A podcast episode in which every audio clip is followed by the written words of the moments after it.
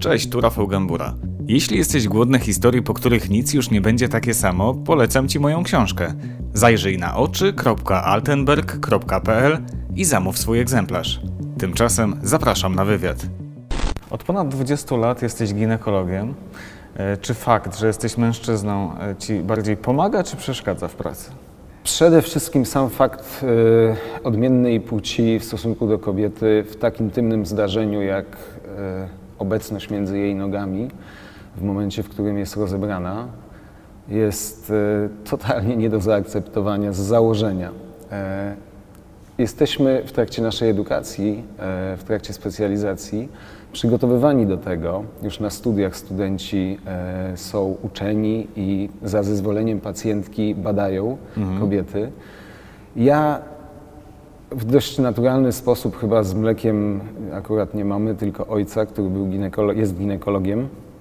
E, podglądając jego zachowania, dość naturalnie umiałem się w tej sytuacji e, zachować. Mi to nie przeszkadzało i nie przeszkadza. Wiem, że jest kilka przynajmniej osób, które niezręcznie się z tym cały czas czują, pomimo wielu lat praktyki. Kobiety różnie e, akceptują sytuację. Znam kobiety, pacjentki moje, które e, wolą być u kobiety, Jednak? ale ogromna rzesza woli konkretne zachowanie e, mężczyzny. Nie to, żeby kobiety były niekonkretne, ale jest dużo kobiet, które wolą chodzić do ginekologa i ten aspekt intymności, który jest pogwałcony totalnie w trakcie badania ginekologicznego. Nie oszukujmy się, bo to nawet nie odwraca się wzroku, tylko się tam po prostu zagląda i manipuluje, a jest to strefa, do której dostęp ma na ogół tylko jedna inna osoba. I to po długim, że tak powiem, wychodzeniu tego.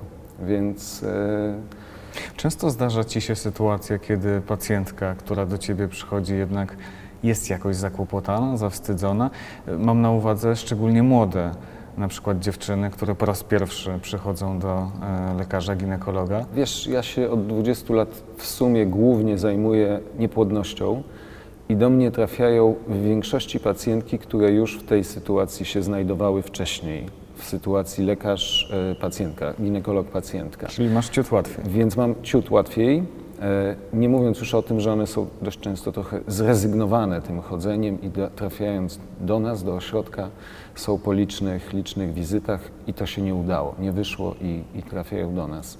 Natomiast oczywiście wielokrotnie miałem do czynienia jako młody lekarz z sytuacją, gdzie przychodziła młoda dziewczyna i y, w celu pozyskania wiedzy na temat y, metod antykoncepcji i była właściwie pierwszy raz przeze mnie badana, no to to wymaga, e, po pierwsze wymaga empatii, zrozumienia sytuacji, że ja jestem mężczyzną, ona dziewczyninką, młodziutką. Ona e, pierwszy raz w sposób, e, słyszy swój głos, kiedy zaczyna mówić o tym, że chce uprawiać seks i to ma być seks bezpieczny. E, no, Czy macie jakieś sposoby na to? Czy nie uczy mogę się was zdradzać. Oczywiście, jakiś że tak. technik, żeby oswoić Znaczy, nikt nas tego nie uczy. Uczą nas poprzednie pokolenia lekarzy, ponieważ my w edukacji mamy system, gdzie w kolejnych latach specjalizacji przebywamy na różnych oddziałach i realizujemy, realizujemy kolejne mm, kroki specjalizacji. Natomiast e, absolutnie podglądamy to od starszych kolegów. Nie ma czegoś takiego, co jest kluczem do zdobycia wiedzy na jakiś temat albo przełamania lodów, ale absolutnie wymaga to e, wysiłku albo intuicji, albo techniki specjalnej prowadzenia wywiadu, żeby przełamać lody i wydobyć to, co się chce wydobyć. Z mojej perspektywy i z mojego doświadczenia dwudziestoletniego mm, wiele się nauczyłem na przestrzeni lat. Umiem trochę skategoryzować pacjentki. Umiem wyczuć, że nie, to, to nie jest, że ja się tak przechwalam, że umiem, ale ja sam oceniam sytuację i wiem, kiedy wyczuwam w większości przypadków, kiedy pacjentka mi czegoś nie mówi i muszę dopytać albo z jakiejś innej strony. Ja rozmawiam bardzo często o bardzo intymnych sprawach, o sprawach współżycia.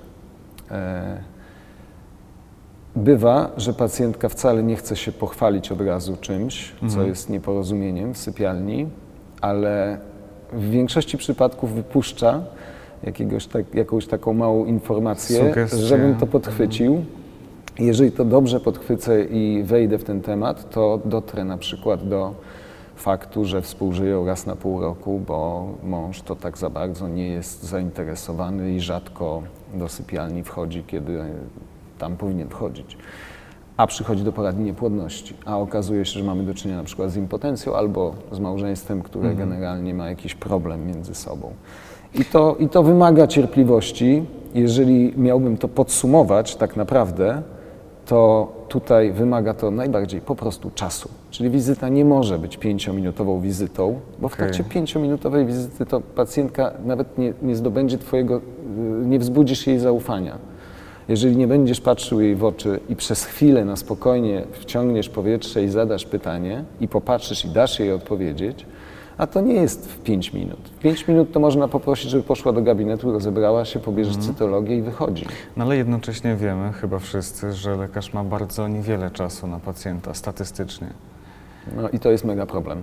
I to jest mega problem w pozyskaniu zaufania, szczególnie w mojej branży, gdzie e, bardzo istotne jest, żeby ta osoba, my cały czas mówimy o pacjentce, ale w moim przypadku to jest para, ponieważ w moim przypadku ja operuję słowem para, jeżeli chodzi o pacjentów, ponieważ choroba, jaką jest niepłodność, stan, jakim jest niepłodność, Dotyczy, dotyczy obojga. dwojga ludzi.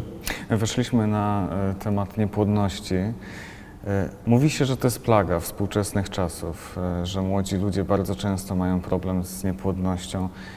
Jaka jest Twoja perspektywa? Czy tego jest coraz więcej? Czy ten problem się nasila?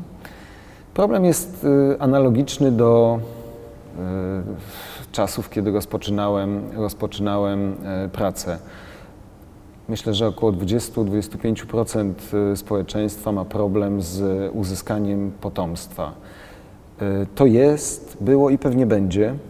My, jako, jako lekarze, mamy podobne narzędzia, tylko one są ogólnie łatwiej dostępne. Tak jak y, rozpoczynałem pracę i zaczynaliśmy program in vitro zapłodnienia pozaustrojowego w szpitalu, e, gdzie obecnie też pracuję przy Placu Starenkiewicza w Warszawie, to metoda zapłodnienia pozaustrojowego in vitro było wielkim wydarzeniem. Kwalifikacja do tego obejmowała przyjście profesora, e, przeprowadzenie pierwszej procedury, to naprawdę zbiegła się cała klinika, żeby oglądać wyhodowany zarodek. W tej chwili Nikogo to już nie dziwi. Nikogo to nie dziwi, jest to powszechna metoda. W Polsce jest 40 ośrodków, które e, są akredytowane przez Ministerstwo Zdrowia jako ośrodki medycznie wspomaganej prokreacji. Realizują procedury e, w skali setek e, miesięcznie nawet. I to jest ogólnie powszechnie dostępna metoda, dająca ludziom, którzy mają problem z uzyskaniem potomstwa, opcję na posiadanie swojego własnego biologicznego potomstwa. Jak najprościej wytłumaczyć, tak łopatologicznie nawet, na czym ta metoda polega? Metoda in vitro polega na uzyskaniu zarodka e, poza e, ciałem kobiety, w podhodowaniu go do, do trzeciej lub piątej doby i w tej trzeciej lub piątej dobie bardzo delikatne podanie go do jamy macicy. Jest to, jest to otoczone lekami. Leki służą do wystymulowania mnogiej owulacji u kobiety. No właśnie, bo musicie pobrać jajeczka. W jaki sposób wydobywa się e, jajeczka z kobiety? Jaką techniką? Jest e, zabieg e, w krótkim znieczuleniu ogólnym. Pobranie komórek jajowych odbywa się pod kontrolą USG. Wzdłuż sondy dopochwowej wprowadzonej do ciała kobiety jest wprowadzana igła, którą widać na ekranie monitora USG. Jako, że jajniki wystymulowane wielkości mniej więcej pomarańcza, grejpfruta, znajdują się tuż nad sklepieniem pochwy, więc ta igła przechodząc przez sklepienie pochwy właściwie natychmiast wkłuwa się w pęcherzyki wystymulowane. Komórki jajowe znajdują się w wy- wystymulowanych pęcherzykach. E, One są malutkie. Komórki są malutkie i, i one są jeszcze otoczone taką, one pod mikroskopem wyglądają jak taka wata cukrowa albo jak meduza i mogą być widoczne gołym okiem w takim e, różowawym płynie, e, płynie pęcherzykowym pod mikroskopem. I się zasysa, Ale pod- czy się jakoś wybiera? Z ciała kobiety odsysa, odsysa się je przez igłę do specjalnych probówek, które to probówki są następnie przetransportowane do laboratorium embriologicznego, znajdującego się na ogół w pomieszczeniu obok e, pomieszczenia punkcyjnego.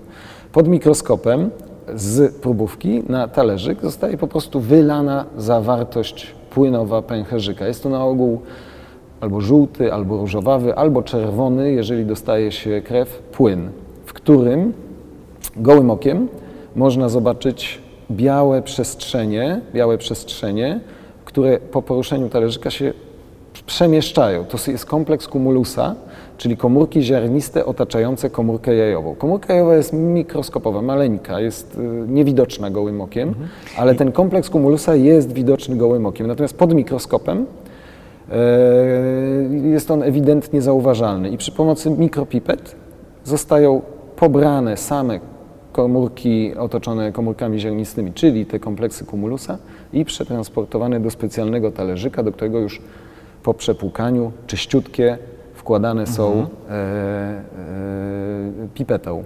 I tak przygotowane komórki uzyskane trafiają do inkubatora, z którego to inkubatora są następnie wyjmowane, żeby zostały poddane zapłodnieniu plemnikami.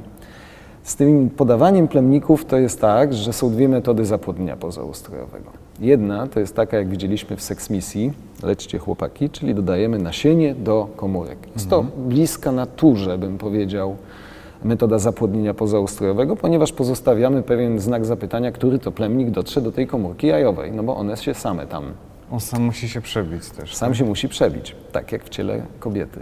E, natomiast ta metoda jest już troszeczkę historycznie nawet mógłbym powiedzieć traktowana, ponieważ coraz rzadziej się po nią sięga, a wyeliminowała ją metoda ICSI, czyli mikromanipulacja polegająca na wstrzyknięciu pojedynczego plemnika do komórki jajowej. Czyli to człowiek decyduje, który plemnik Decyduje wchodzi. embryolog i wybiera plemnik i go po prostu wtłacza do komórki jajowej. I wybiera się celowo takiego najaktywniejszego? Najszybciej uciekającego. Tak? Mhm, okay. Najszybciej uciekającego i po unieruchomieniu się go po prostu wstrzykuje. Ta metoda jest bezpieczna, jest skuteczna i dlatego eliminuję metodę klasyczną, czyli dodanie plemników, że daje przy całym wysiłku, jaki ponosi para, żeby przeprowadzić za, proces zapłodnienia, eliminuje właściwie możliwość, że coś pójdzie nie tak i do tego zapłodnienia nie dojdzie. Natomiast absolutnie w przypadku osób, które życzą sobie, żeby to się toczyło tą metodą, e, przeprowadzamy zapłodnienie sposobem klasycznym.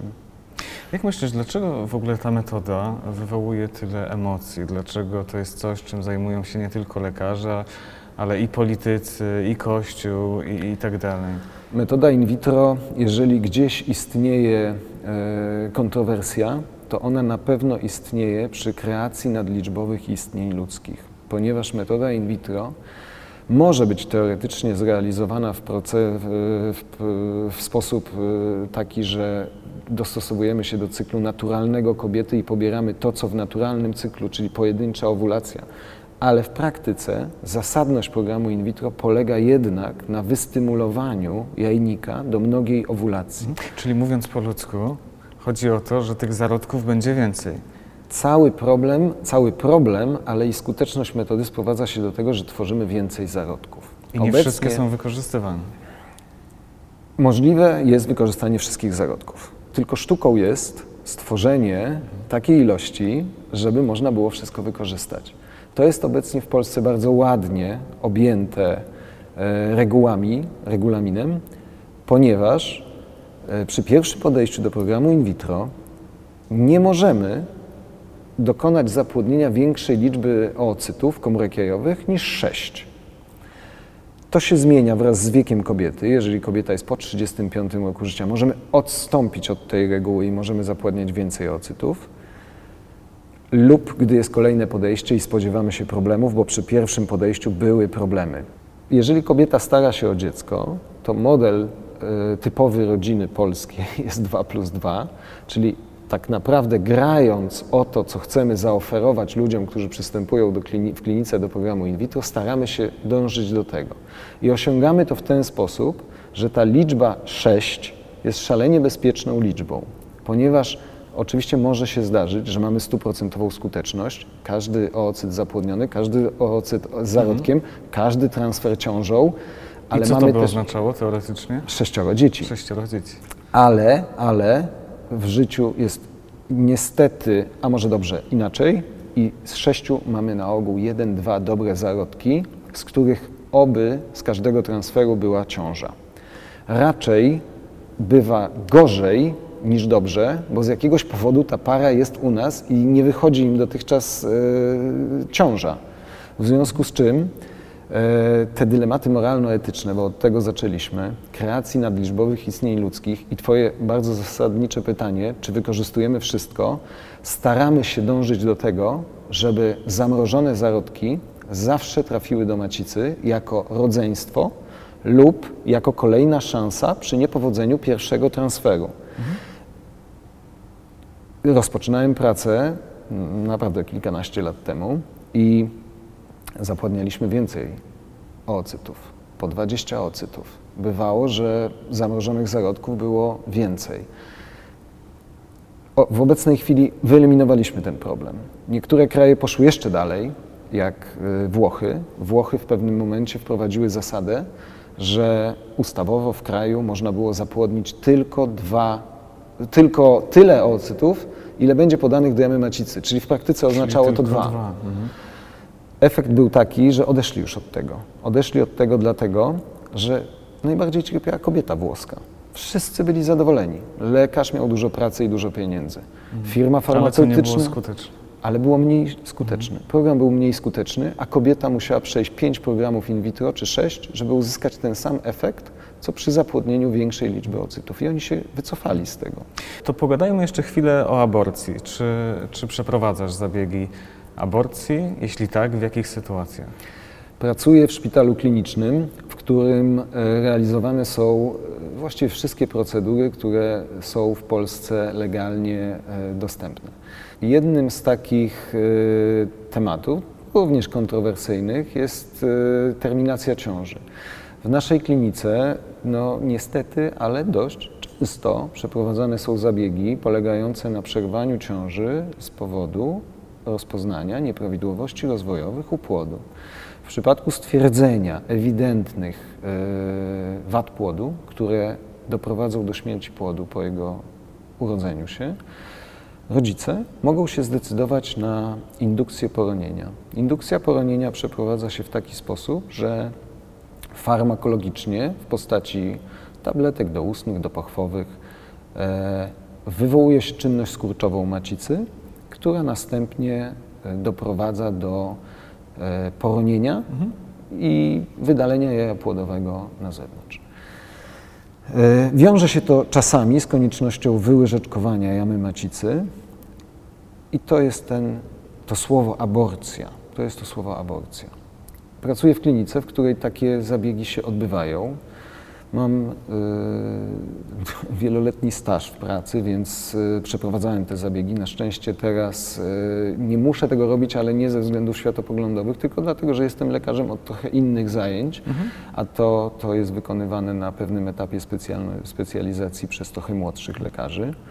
Natomiast moje własne, osobiste zdanie na ten temat jest takie, że wybierając pewną dziedzinę medycyny, decydując się na realizowanie pewnej ścieżki, bierzemy pod uwagę mm, wszystkie aspekty tego, tej decyzji. Jest mi dość ciężko wyobrazić sobie sytuację, w której ktoś pójdzie pracować do banku i w banku powie, że nie będzie w ogóle, ale to w ogóle dotykał się do umów kredytowych i to jest jego warunkiem. Decydując się na pracę w banku, otrzymujemy miejsce, do którego pójdziemy i tam będziemy realizowali jako bankier y, te, te, te zdarzenia. Czy dobrze rozumiem, że Twoim zdaniem lekarz nie powinien y, mieć prawa do tego, by odmówić zabiegu aborcji ze względu na swój światopogląd?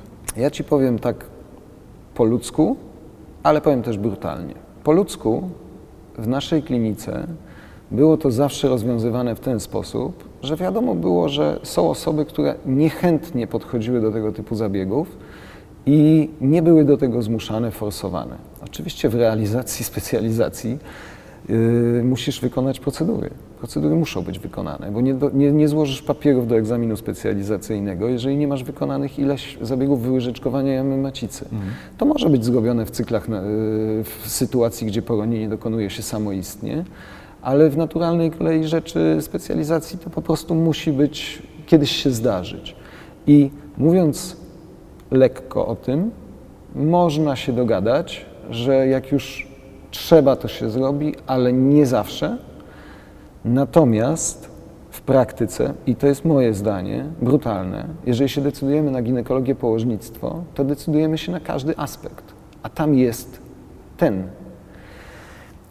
Dyskutować można bardzo długo, czy ludzie mają prawo do przeprowadzenia e, u siebie przerwania ciąży, ale, mm, ale jest to o wiele prostsze do dyskutowania w momencie, kiedy mówimy o nieuleczalnych wadach płodu, o wadach płodu, które spowodują, są tak zwane letalne, czyli dziecko Po zaraz po porodzie umrze.